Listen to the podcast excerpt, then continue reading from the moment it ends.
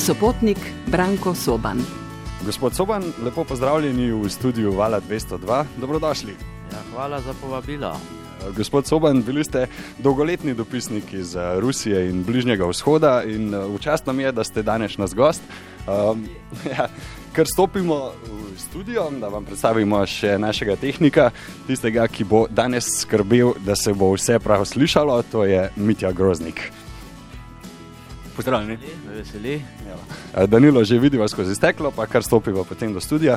Um, ena stvar me je vedno zanimala pri dopisniškem delu. Uh, zdaj, veliko let ste bili dopisnik, tako iz Rusije, kot iz Bližnjega vzhoda, pa tudi iz drugih držav. Pa me zanima, ste se v tem času, ko ste upravljali svoje dopisniško delo, počutili nekako odtujenega od domovine in dogajanja v njej?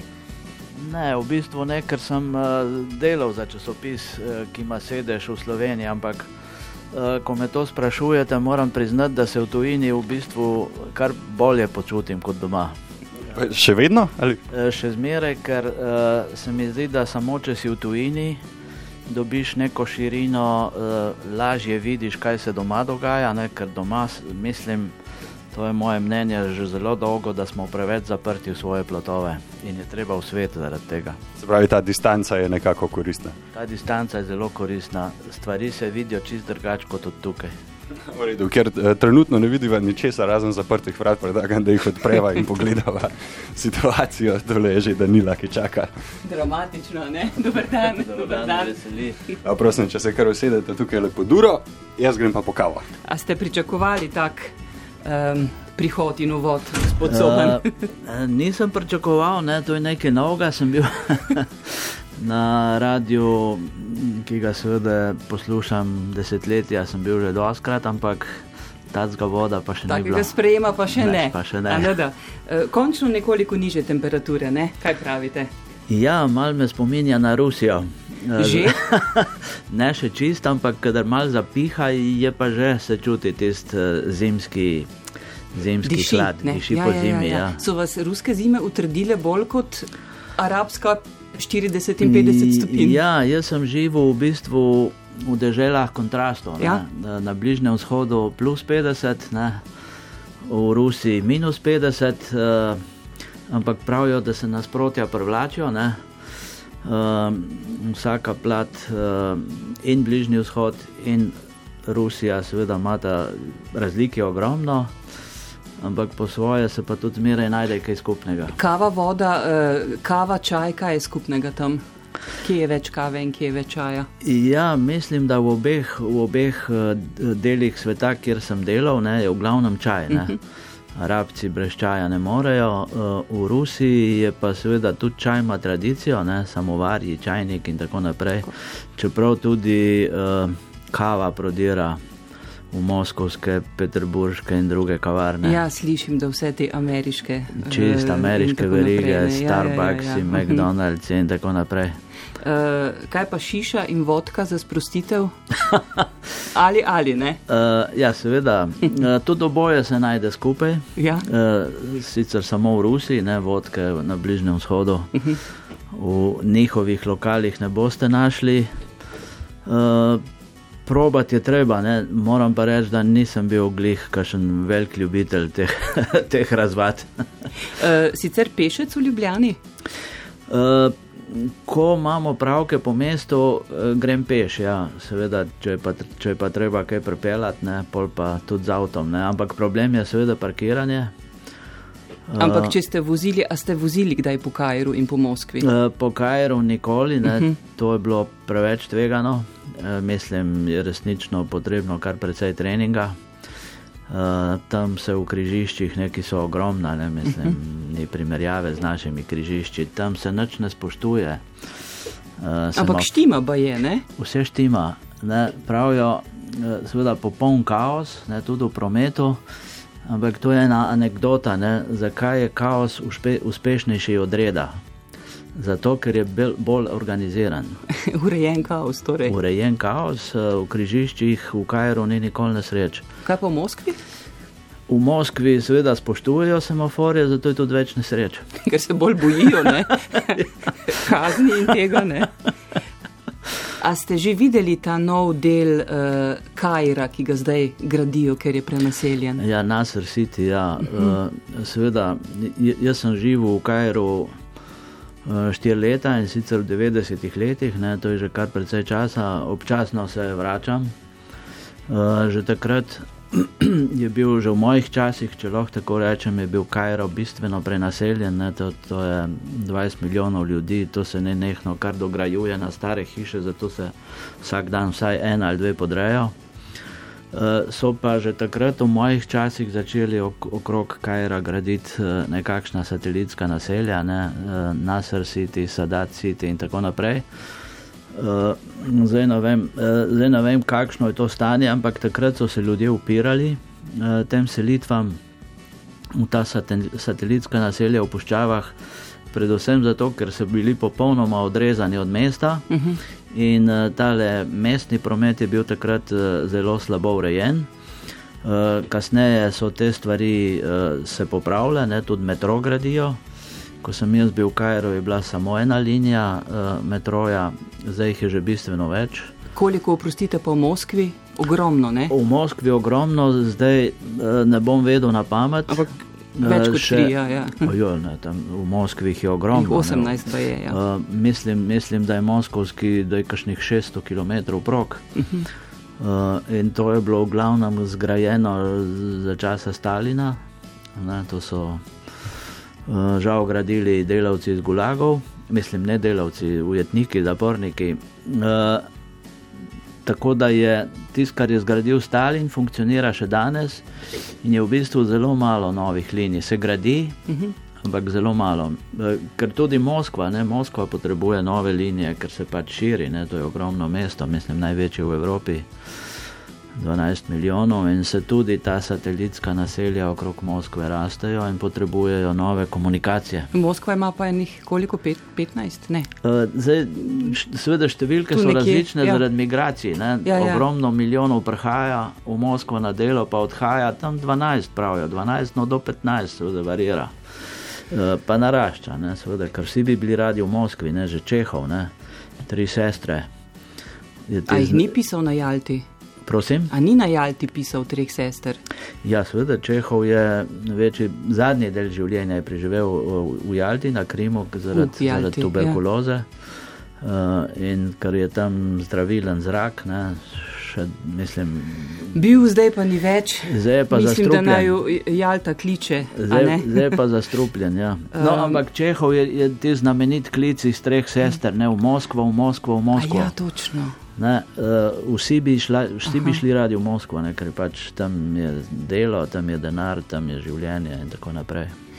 Še minuta do novic, Branko Soban, Jalta naj bo poklicala in še uh, marsikaj drugega z nami do pol šestih. Vse v redu? Ste se že vdomačili? Ja, ja, sem že skoraj doma. Okay.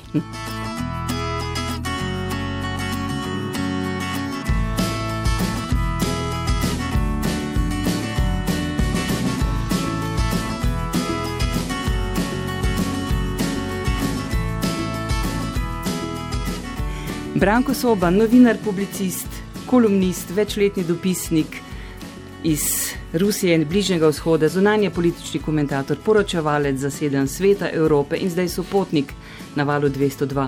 Med uh, opernimi hišami gledališči je Branko Soban m, bolšojski na prvem mestu, med vsemi, kar ste jih videli. Uh, ja, videl sem skoraj vsa velika gledališča tega sveta, seveda v resnici sem bil pa največkrat v Bolšoj teatru. Logično, ker sem v Moskvi živel šest let in moram reči, da je to v bistvu privilegij. Ne? Šest let zahajati v Bolšoj teater. Uh, kot ljubitelj klasike ne, sem si prvoščil v Moskvi resnično vse, vse, vse velike ruske opere, vse, vse velike balete tega sveta. Uh, in v resnici je užitek. V prenovljenem ste bili že? V prenovljenem še ne, ker so ga pre, začeli prenavljati in ta, ta prenova je trajala neverjetno dolgo. V prenovljenem še ne, ker uh, se je ta prenova v bistvu začela po mojem odhodu, po mojem odhodu iz Moskve.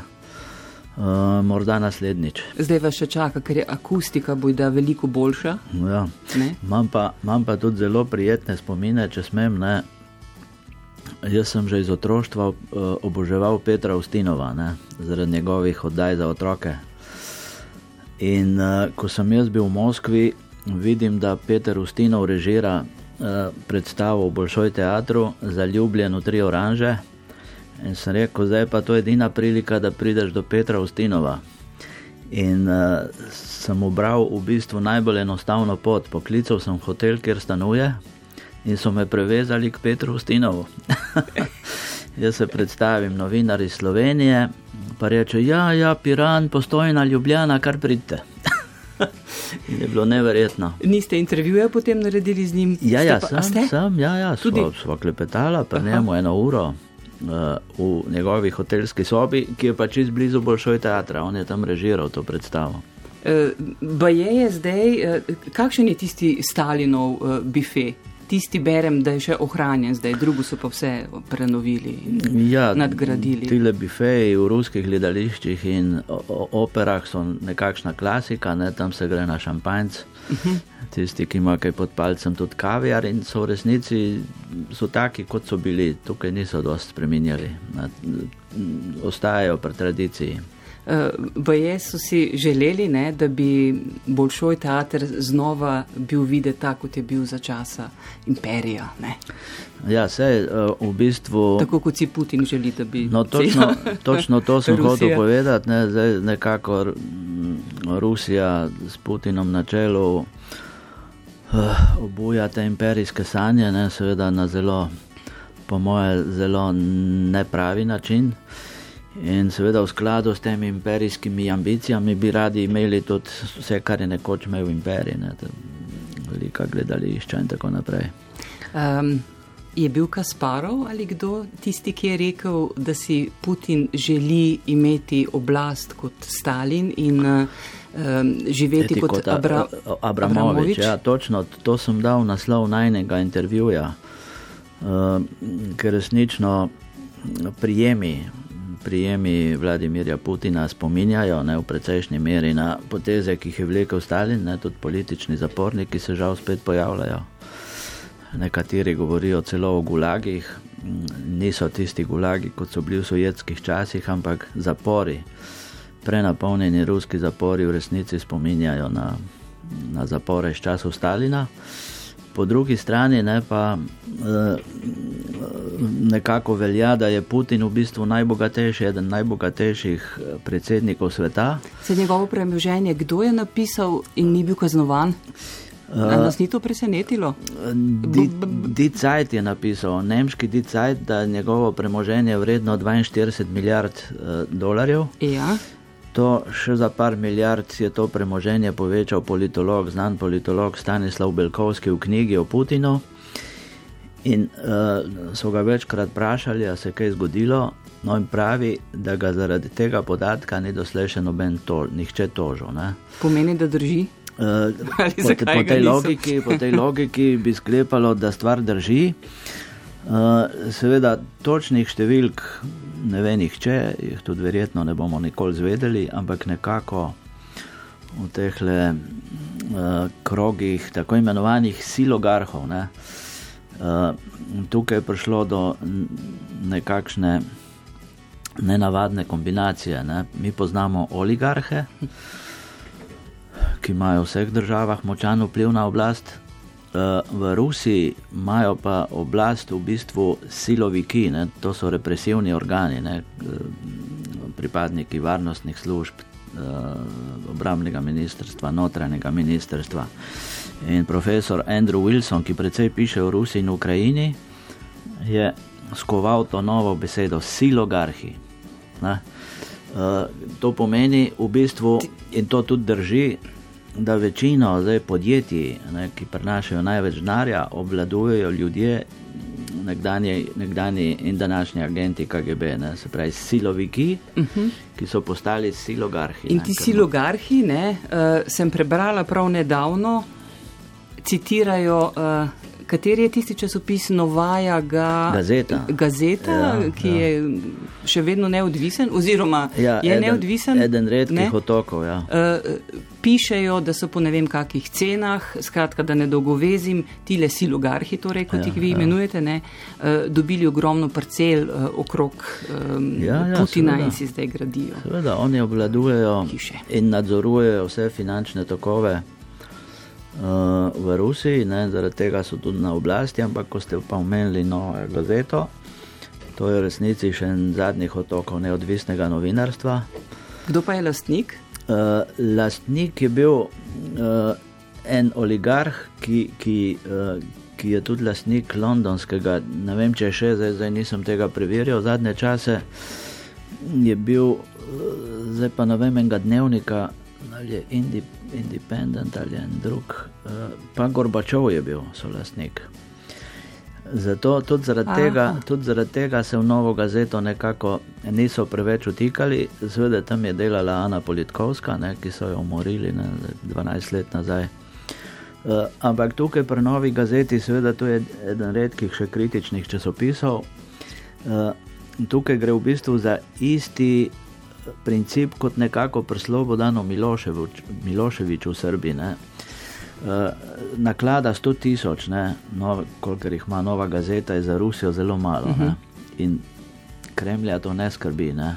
Oni hočejo obvladovati velike medije, ne, zlasti televizijo, in to pa obvladujejo popolnoma vse.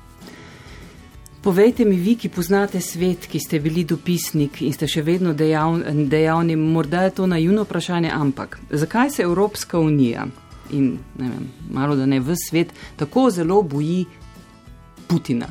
Oziroma, zakaj se mu tako prilagajajo? Evropska unija je večja, je močnejša, je. Ja. To Kaj? drži, to Ne more biti samo nafta in plin razlog.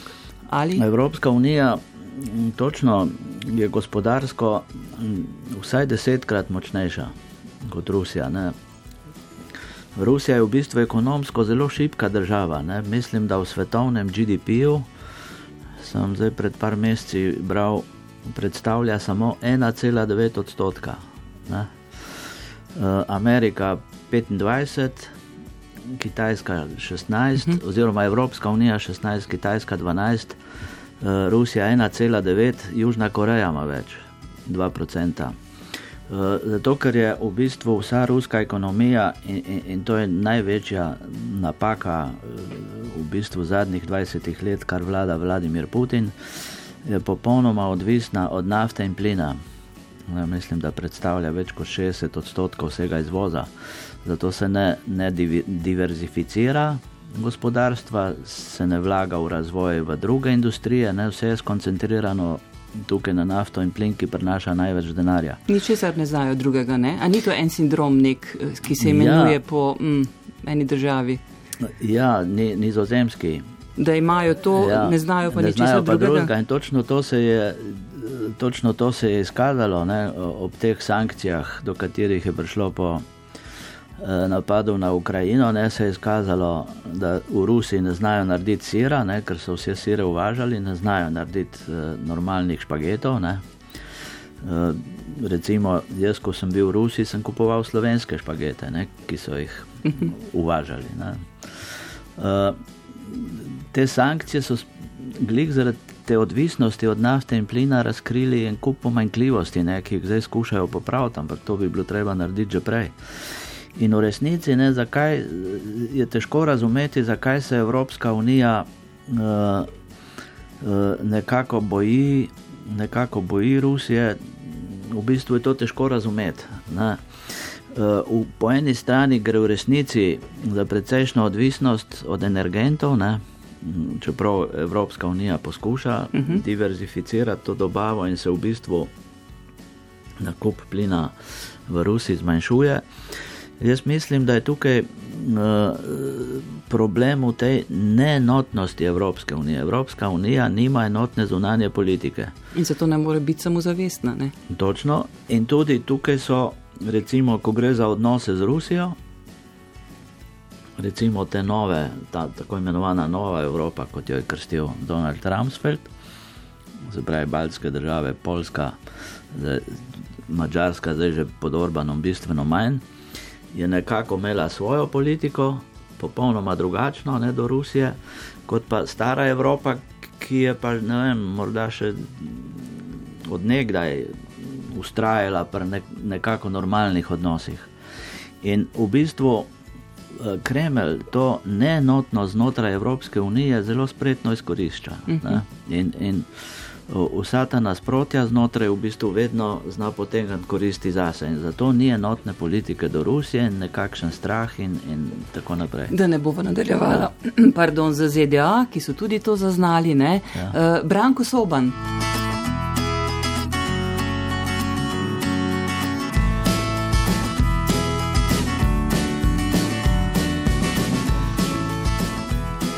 Branko Soba, novinar, publicist, kolumnist, sopotnik na valu 202, 40 let uh, ste novinar, m, večletni dopisnik na Bližnjem vzhodu, v Rusiji. Pravzaprav ste bili v 90-ih malo da ne vseh teh svetovnih uh, kriznih, vojnih uh, žariščih, ne? Ja, v bistvu v času dopisništva in tudi potem sem bil v resnici v vseh teh eh, glavnih kriznih žariščih sveta. Ne.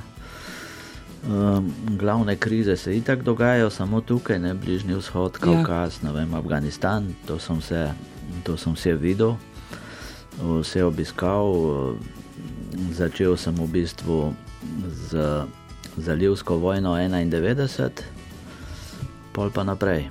Na Bližnjem vzhodu in pol kasneje v Rusiji, na In Kaukazu. Spoznali nešteto ljudi, ne? uh, navezali ogromno stikov in prav toliko intervjujev naredili, 62 jih je v dveh, V dveh knjigah, knjigah, objavljenih. Ja. Uh, prvi pogoj, da dobite intervju, je najbrž um, zaupanje. A so vas kdaj preverjali, kateri ljudje? Ma, jaz, mislim, jaz mislim, da kakšnega velikega preverjanja ni bilo. Ne. Seveda nekateri sogovorniki, ko, ko navezuje stike, seveda vprašajo za reference, ne, kaj si do zdaj počel, koga si doslej srečal.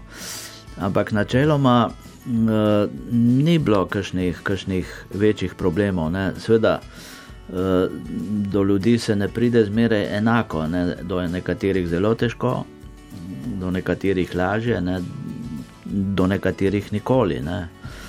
Uh, ampak jaz, recimo, če sem si nekoga zamislil, da bi ga rad dobil za, za intervju zaradi aktualnosti dogajanja, ne vem, kakšnega velikega pisatelja, Nobelovca in tako, tako naprej, sem ustrajal, sem ustrajal, iskal različne poti in v glavnem prišel do njih. Ne.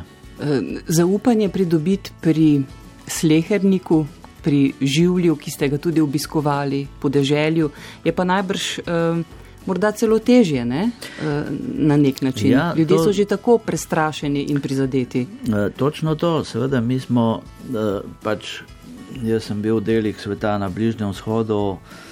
Potem v bivši Sovjetski zvezi, tam smo tujci, ne? to se vidi, da si tujec in, in nekako do tujca uh, zmeraj vlada nekakšno nezaupanje, ne? mislim, imajo tudi slabe izkušnje uh, odprej, ne? zgodovinsko slabe izkušnje, ne vem, na Bližnjem vzhodu s kolonizatorji in tako naprej, na nekdanji Sovjetski zvezi z režimom. Ampak uh, je zanimivo, ne, da pol recimo v provinci, ne, v provinci sprva so malce nezaupljivi, ampak pol se pa odprejo, ne, ko vidijo, da jim noč nočeš, ne, da, da si vendarle tukaj zato, da bi mal se razgledal po njihovi vasi, se mal pogovoril z njimi, pa se odprejo in te tudi povabijo v hišo in pogostijo. Ne, to ni, mislim, nikoli nisem imel. Nikoli nisem imel uh, kakšnih, kakšnih uh, uh, z domačini, kakšnih večjih problemov. In recimo, uh, to ni povezano z mojim dopisništvom, ampak letos sem pa bil na uh, velikonočnem otoku, ne, v Čilu, kjer so pa uh, tile domačini, ki tam živijo, v resnici zelo ne, nezaupljivi uh, do belcev. Ne, predvsem do čilencev, ne, ta velikonočni otok spada pod Čile ne, in se čutijo izkoriščani in kolonizirani in tako naprej. In vsak belc, ki pride tja, vidi v njem predvsem čilenca. In so nekako tudi zaradi tega do, do teh prišlekov v resnici nezaupljivi. In, in jaz sem tam nekaj hotel slikati pred eno hišo, so me v bistvu kar nagnali. Čeprav ne, kaj lahko pravzaprav izgubi nekdo, ki je že izgubil malo da ne vse. Ne? Točno to, nimajo več kaj. Čečenske mame, to katerih bile, tragedije so bile neizmerne. Ne? To so bile grozljive, v resnici Čečenija, to so grozljive zgodbe. Ker je no. sin čečenske matere bil vreden. Um, Malo da ne ja, uh, pet vreč krompirja za očkodnino. Ne pet vreč, eno vedro krompirja. Ne? E, to mi je prepovedovala ena mama v resnici. E, ogromno ljudi, no, številke so različne in nikoli ne bodo točne, ker pač žrtev nihče ne prešteva. Ne? Ta, ta vojna v Čečeni, ki v bistvu sporadično še traja. Ne? Sam ne gre več za velike vojne spopade, ampak so posamezni taki uh, konflikti do 300 tisoč žrtev, ne? točne številke ne ve nihče. In v resnici ruska država tukaj odškodnine zapadle pobite ljudi so bile minimalne. Ena... Je pa članica Sveta Evrope. Ne? To je pa zdaj velika tema. Ne? In tam je Evropska konvencija za človekove pravice, ki jo je morala podpisati. podpisati ja, kot eh, Evropska konvencija za človekove pravice letos praznuje, oziroma je že praznovala 65-letnico. Ja? Uh, to vsaka država, ki hoče postati članica Sveta Evrope, mora to podpisati. Ni pa nujno, da se drži pravic, oziroma da jih upošteva. To je pa bolj problem, o katerem se danes bistveno premalo govori. Ne, uh, in, A je, oprostite, Rusija v vrhu tistih, ki. Uh, Rusija je na prvem mestu po tožb. Eh, tožb na, pr, na sodišču za človekove pravice v Strasburgu. In tudi odškodnin. Iz, iz Rusije ja, prihaja največ pritožb in tudi največ primerov izgubljenih, ne samo recimo zaradi čečenske vojne je Rusija izgubila že blizu 250 uh, eh, tožb. In tukaj pa zdaj nastane problem. Ne, sodišče, sodišče se ne ukvarja, uh, sodišče v Strasburgu se ne ukvarja z iskanjem krivcev. Sodišče se ukvarja samo s kršitvami konvencije. Ne, če ugotovijo, da je država kršila konvencijo, naloži kazen uh mhm. -huh. in ukaže, da ta primer raziščejo pri njih doma.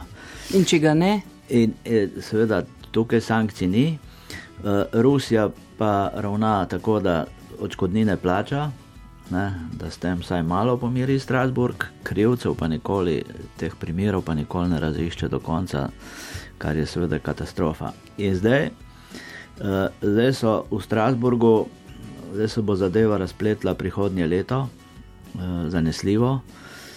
Rusija v bistvu bojkotira uh, svet Evrope zaradi sankcij, ki so jih uvedli po okupaciji Krima, Krima. In, in vzhodnega dela Ukrajine. In zdaj grozijo z izstopom iz sveta Evrope, kar bi seveda bila katastrofa za Evropo in katastrofa za prebivalce Rusije. Ne, če Rusija izstopi iz sveta Evrope, potem prebivalci Rusije, vsi državljani Rusije ostanejo brez pravne zaščite, ki so jo do zdaj dobivali v Strasburgu. Se ne morejo več pritožiti nad ravnanjem uh, ruskih oblasti in nad odvisnimi sodišči. Ne. Rusko sodstvo ni neodvisno, ne. tam še zmeraj vlada telefonsko pravo, kot za časa Stalina. In to, to bi bila katastrofa. Uh, odhod Rusije iz sveta Evrope bi bila katastrofa, predvsem za državljane Rusije in po svoje tudi za Evropo, ker s tem bi nastala v Evropi nova strahotna delitev na del, kjer konvencija velja, in na del, kjer, kjer ne velja več. In to je pa strahoten korak nazaj. Že zdaj, ker, ker so tako zelo redka dobrina te človekove pravice, ne? kaj še le, če se to zgodi? To, ne, uh, to je resen problem. Uh, kako se dan, ta odnos, tudi politike, ne samo na vzhodu, tudi na zahodu, Združene države, mislim, to, kar se je dogajalo v tisti vojni proti terorju, to je bilo eno, eno najbolj grobih oblik teptanja človekovih pravic. Ne. teh ljudi, teroristič, tako imenovanih terorističnih osumljencev. To človekove pravice se marginalizirajo, ne, post, interesi države so nad njimi, kar je seveda popolnoma zgrešeno, ne, ker človekove pravice bi morali gojiti in spoštovati ravno v času kriz. Ne, Ne takrat, ne takrat, ko je zunaj lepo vreme, ne, takrat v bistvu nihče ne pomisli na človekove pravice. Na človekove pravice eh, se spomniš takrat, ko je kriza, ko gre vse na robe in takrat se je treba boriti za nje. To je zdaj. Ne. To je zdaj. Kojen, vi ste si ga zaželeli. Kaj ja. vam on sporoča? To je neumno vprašanje. Uh, ogromno stvari sporoča. Ne? Mislim, meni osebno ne samo besedila, uh, ki so zmeraj nekaj posebnega. Ne? Ne vem, mene je fascinirala že od nekdaj tista First we take Manhattan, then we take Berlin. Zmeraj ti hoče nekaj ja. povedati, ampak meni je tudi všeč ta glasba, melodija, ne? Ker jaz nekako oboje mora biti nekako uh, v redu, nekako sinhronizirano, in melodija, in, in, in besedilo. Ne. Če tega ni, se mi zdi, da je stvar zgrešena. Branko Soban, uh, koga ste poklicali po nedeljskem, ali, pa, ali ste koga poklicali po nedeljskem incidentu v Ukrajini? Kakšnega od prijateljev, glede na to, da zdaj znova smete vstopiti v Rusijo, ne, uh, ste bili že v Rusiji in tudi v Ukrajini letos, ne? Ja, Dobro, letos v Ukrajini, ampak, ja. Eh, aprila v Ukrajini, ja, mislim, to je vse skupaj, ta zgodba je zelo tragična po svoje. Jaz sem po tem incidentu klical prijatelje in, in v Rusiji in v Ukrajini, eh, niso, mislim, niso nek, neki ljudje na visokih položajih, ampak pač ljudje, ki tam živijo, ki to doživljajo, to čutijo in seveda. Eh, Zdaj, tukaj v javnosti se mi zdi, da javnost v bistvu ne pozna natančno čistega rusko-ukrajinskega konflikta. Ker je treba korenine poznati, ne? Točno Najbrž, to je ja. treba poznati ozadja. V bistvu, ko se je to začelo dogajati, ta tako imenovana kršitev ruskih teritorijalnih voda, je v bistvu takoj meni, ko to slišim, ne, v bistvu gre za neverjeten paradoks. Rusija je okupirala Krim, ne, in zdaj se zgraža nad tistimi, ki, ki eh, z ladjami plujejo po okupiranem morju. Ne, se pravi, pretoževati bi se mogel tisti, ki je okupiran, ne tisti, ne tisti ki, ki, uh, uh, ki je okupiral. Ne. Tako da tukaj, uh, glik zaradi teh stvari, za katere širša javnost ne ve dovolj, ne, je v bistvu vse skupaj ena farsa. Ne ki ne bo dovolj pojasnjena. Ampak neka računica je v tej farsi. Uh, računica verjetno je, zdaj govorijo o vojnem stanju. Ne? Ukrajina je razglasila ja. vojno stanje, ampak v Ukrajini je vojno ampak stanje. Ampak nikoli še ne, uradno. Uradno. V, ja. Ampak vojna v bistvu traja že pet let. Uh -huh. uh, zdaj spomladi bo pet let od okupacije Krima in kmalo zatem, uh, kmalo zatem še ruski napad na vzhod Ukrajine in to traja že pet let. Ne. To traja že pet let, v bistvu konflikti se ne nehno dogajajo.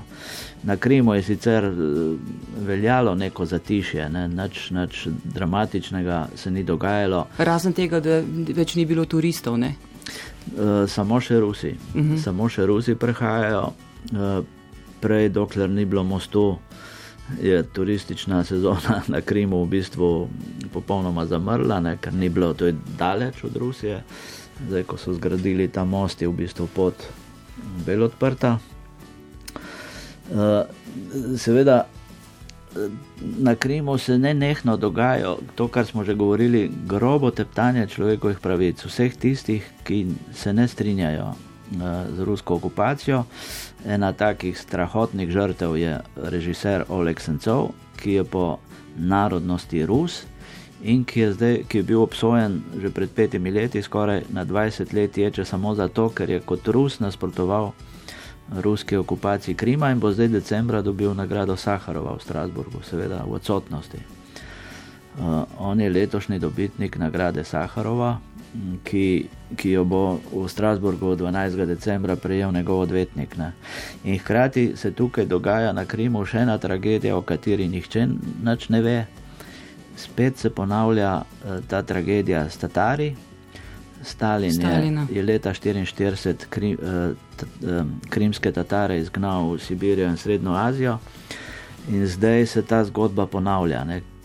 Tatari Eh, recimo vodja krimskih Tatarov Mustafa Džemilov, ki ga dobro poznam in se srečuje v Strasburgu, že pet let ne sme na Krim.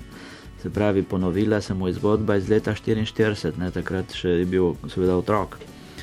In tudi, je bil v zaporu nekaj časa. Ne? To je bil eden najbolj znanih uh mhm. -huh. sovjetskih. Saharov prijatelj.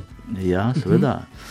Uh -huh. uh, to je bil eden najbolj znanih uh, sovjetskih disidentov. Uh mhm. -huh. In ko je bil Saharov osvobojen, je bil Džemiljev šel v zaporu in se je on, Saharov, osebno zauzel pri Gorbačovu, da, tudi, da, da je tudi Džemiljev uh, pride na svobodo. Uh, in o tej tragediji krimskih Tatarov, ki se zdaj dogaja za časa okupacije, spet no, noben premalo se o tem govori. Ampak um, zdaj Ukrajinci pravijo, to sem slišala v enem pogovoru um, v Trubarjevi hiši literature kjer je ukrajinsko-slovensko prijateljstvo. Ne? In ena mhm. intelektualka je rekla, da iščejo to lažbo um, zaradi te svoje nesrečne zgodovine v tem, da, vem, da jim je to namenjeno. V, v tem smislu že razmišljajo, da, da so poslani za, za to, ja, ker so vedno v uh, nenehni stiski. In... Nenehno so uh, razdeljeni, uh, okupirani, uh, v bistvu po svoje, no, malce spominjajo tudi na našo državo. Mi smo, ene, mi smo šele 91 postali samostojni. Čeprav je bila ukrajinska zgodovina bistveno bolj dramatična, ampak tudi oni so prvič postali neodvisni šele leta 91. Prej so bili vedno uh, nekako počkorni drugih, ne, ne vem, tam na zahodu Poljaki in tako naprej, uh, potem Sovjetska zveza. Bili so samostojni po koncu Prve svetovne vojne, ne par mesecev, ampak ne dolgo. In uh, po tej samostojnosti leta 1991 se jim spet ponavlja, uh, mislim, Stalin. Ta, Stalin v bistvu ja, in ta tragična zgodovina. Uh, okay, um, Evropa napoveduje sankcije, Bruselj poziva k izpustitvi vojakov, pravi, da ruske priključitve um, Krimu ne. Uh, prizna, eh, kaj pričakujete od Evrope, kaj lahko naredi? Zdaj, tukaj je seveda eh, problem je v tem, da so Ukrajino, ne, kot, se, kot se pogosto dogaja, ne, po, tem, po tem konfliktu z Rusijo, ne, ki ga morda niso pričakovali, da se bo zgodil, ampak je bil po svoje logičen. So jo vsi pustili na cedilu, ne? vse ostaja samo pri besedah, in je v bistvu Ukrajina uh, ostala sama, ostala sama v tem konfliktu z veliko Rusijo, ne, ki ima pa tukaj svoje, uh, svoje imperijske načrte, ne, obnove, obnove nekdanjega imperija, ne, o katerem malce bono sanja Vladimir Putin. Ta obnova ni možna brez Ukrajine, ne, ker Ukrajina je tukaj vitalen del, ne, tale ves med uh, vzhodom in zahodom, ne, na kakšen most. In v bistvu mislim, da je cilj ruske politike tukaj umetno vzdrževati neko napeto stanje, neko konfliktno situacijo v Ukrajini, ker je to tudi v bistvu pot do tega, da Ukrajina ne postane del ne Evropske unije, v katero hoče, ne del NATO. V katerega tudi hoče, zato da bi se zavarovala pred Rusijo. No, nihče noče, ne v Evropski uniji, ne v NATO države, kjer je konflikt. E, čisto na kratko, ali lahko, ne vem, vojna pride v resnici do vojne in ta vojna zamaje tudi preostali del? Vojna v bistvu že je. Ne? E, konflikt se vleče na vzhodu Ukrajine že pet let. Uh, Ampak ta konflikt zdaj lahko pride v kakšne razsežnosti pri? Uh, jaz mislim, da do vojne ne bo prišlo, ne, ker, ker tukaj na Krimu. Uh mhm. -huh. Jaz mislim, da tukaj do vojne ne bo prišlo, gre za razkazovanje mišic, uh, ker vojna v bistvu ne bi koristila nobeno. Spet, spet bi Ukrajina potegnila krajši konec, ker ji ne bi nihče preskočil na pomoč. In jaz mislim, da se bo ta stvar, to zaostrovanje zdaj malce v prihodnih tednih, da se bo malce stvar pomirila. Branko Soban, Val 202.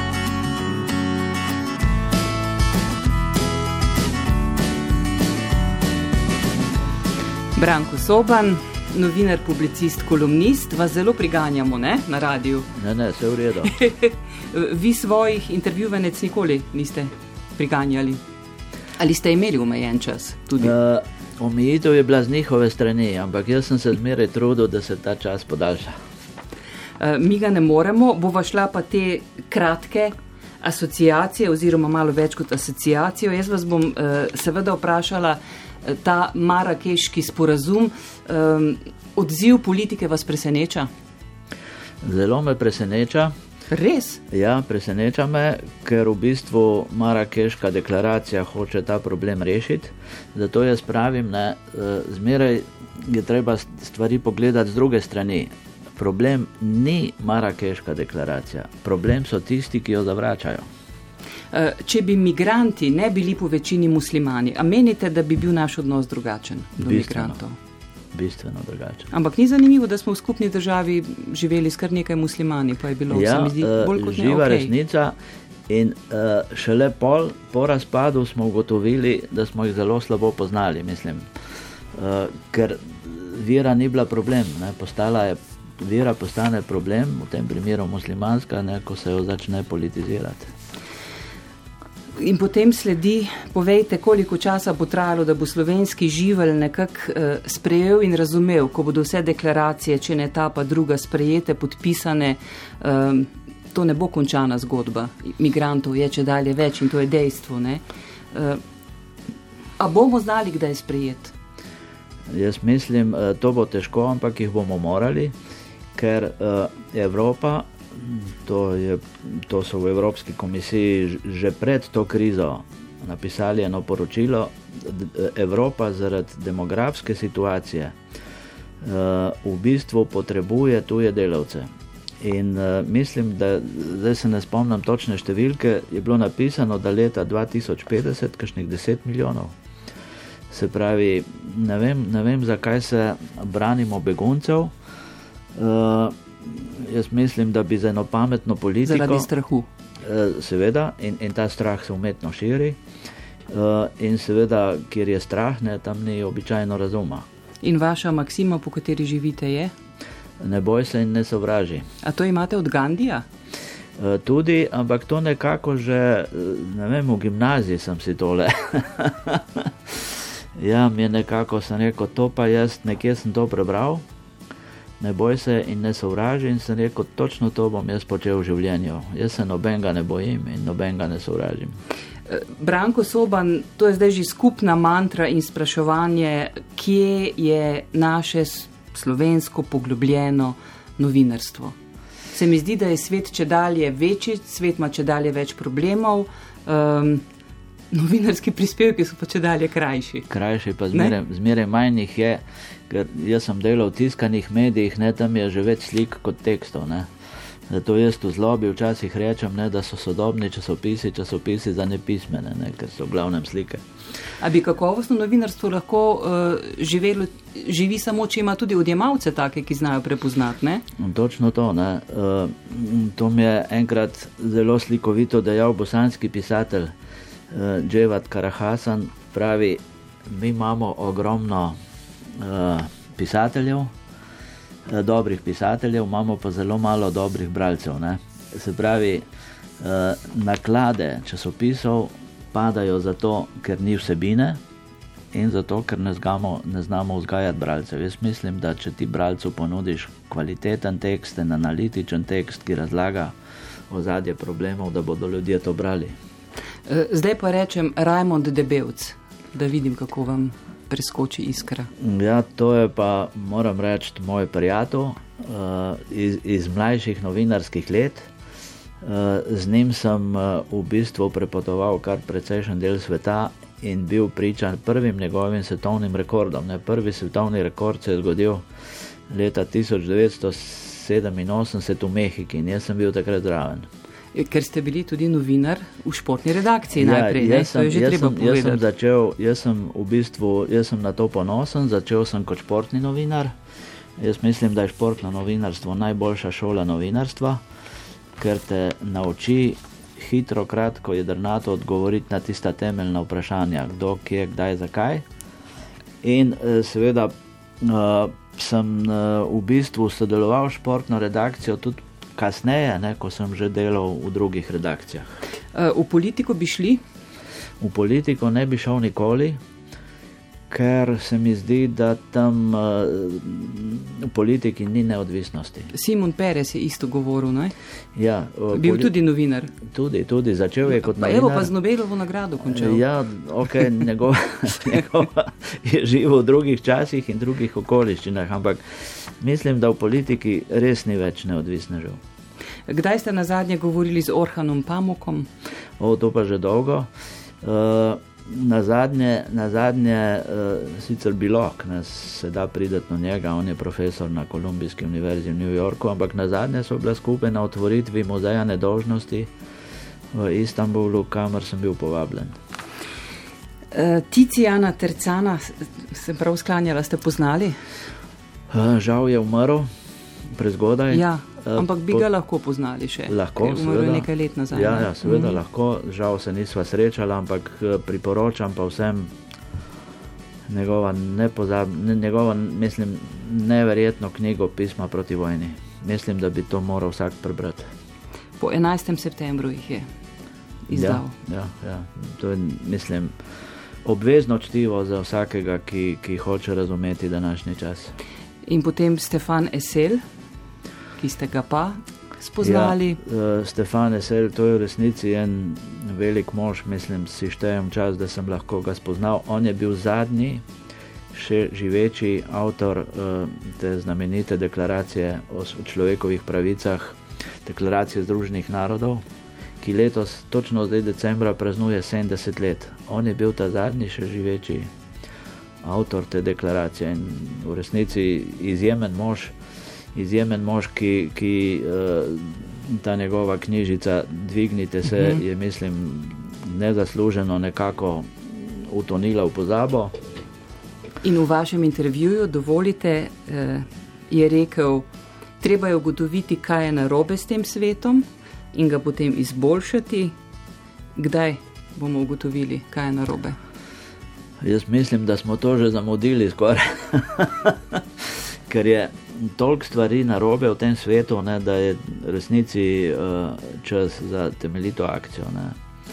In, in uh, ko gre za odnose med velikimi in majhnimi, ko gre za to uh, zmeraj hujšo neenakost, ne, ena peščica ljudi obvladuje ogromen kapital, milijarde spodaj pa nič.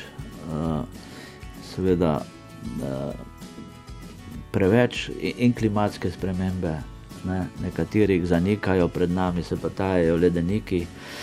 Tako da jaz mislim, da je zdaj zadnji čas resnici za ukrepanje in se bojim, da smo veliko stvari že zamudili. Branko Soban, lepo hvala, ker ste bili naš Me, gost. me je veselilo in hvala za povabilo.